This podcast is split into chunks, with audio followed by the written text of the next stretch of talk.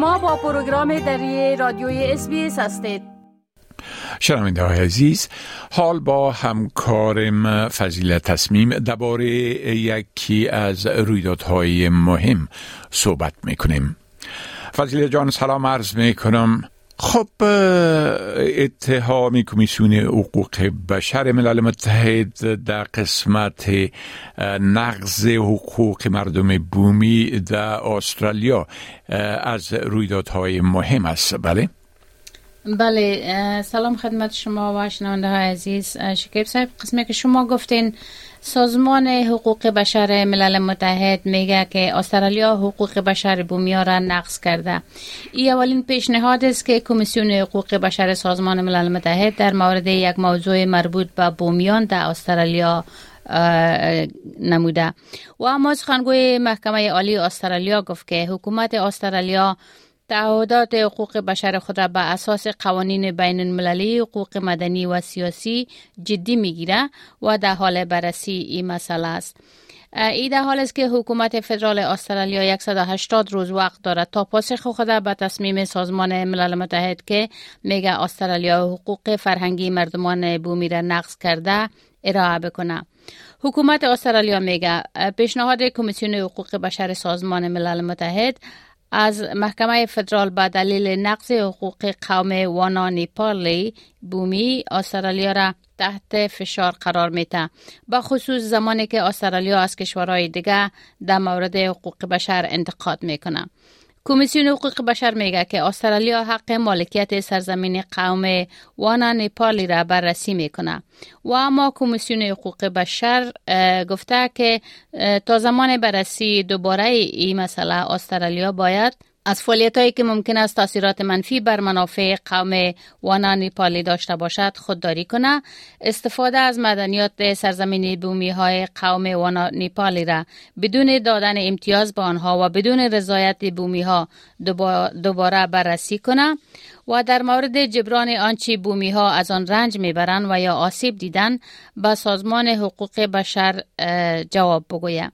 ادعای قوم وانا نیپالی همچنان شامل استفاده بدون اجازه و رضایت بومی ها از ذخایر مدنیات فلز در سرزمین بومی هاست که توسط ثروتمندترین استرالیایی ها کنترل میشه گفته شده که 80 درصد این معدنیات در ناحیه Roy Hill متعلق به میلیاردر استرالیایی جینا رینی هارت است و ذخایر معدن فلز در نواحی Cloudbreak و Christmas Creek توسط کمپانی بزرگ Fortescue و میلیاردر اندرو فارست است که بدون رضایت مالکین این سرزمین تأسیس شده.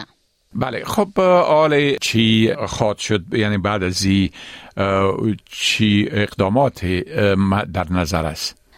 خب اگر شرکت های معدن توافقنامه های خود با دارندگان مالکین اصلی سرزمین بومی نقض کنند آنها توسط کمیته حقوق بشر سازمان ملل متحد متهم به نقض حقوق بومی ها در سرزمین خواد شدند. از همین سبب سازمان حقوق بشر توصیه کرده که این توافقات بین ثروتمندان استرالیایی حکومت و بومی ها باید مورد تجدید نظر قرار بگیره. ای اولین تصمیم کمیسیون حقوق بشر سازمان ملل متحد در مورد موضوع مالکیت بومی ها در استرالیا و در سطح بین المللی است که حکومت منافع مردم بومی را به سرزمین خودشان تعیین می‌کنه خب می‌تونین بگوین که این پیشنهاد کمیسیون حقوق بشر چی نوع منفعت برای مردم بومی این مناطق خواد داشت؟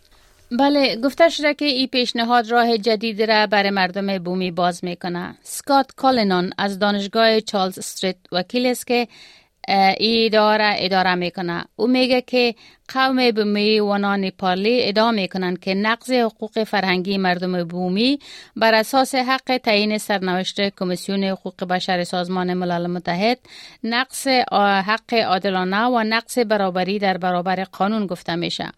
کمیسیون حقوق بشر سازمان ملل متحد در تصمیم خود به نفع قوم بومی وانا نیپالی و علیه حکومت استرالیا در دریافت که استرالیا حقوق فرهنگی و مالکیت بومی ها را در کشور نقض کرده. سکات کالینان میگه به ادعا کنندگان ما باید فرصت داده می‌شد تا شواهد مربوط به ادعاهایشان ارائه بکنند. مردمان بومی میگن که آنها در مورد سرزمین خودشان صحبت می‌کنند سرزمینی که اجدادشان در اینجا دفن شده و آنها وظیفه دارند از مکانهای مقدس خود محافظت کنند کالینان گفت که این تصمیم یک راه مهم جدید را برای مردم بومی برای شکایت به سازمان ملل متحد و کمیسیون حقوق بشر در مورد حقوق آنها در سرزمین خودشان باز می‌کنه. بله خب بسیار تشکر فضیل جان از معلوماتتان و فعلا شما را به خدا می سپارم و روز خوش برتان آرزو می‌کنم از شما هم تشکر روزتان خوش بپسندید شریک سازید و نظر دهید اسپیس دری را در فیسبوک تعقیب کنید.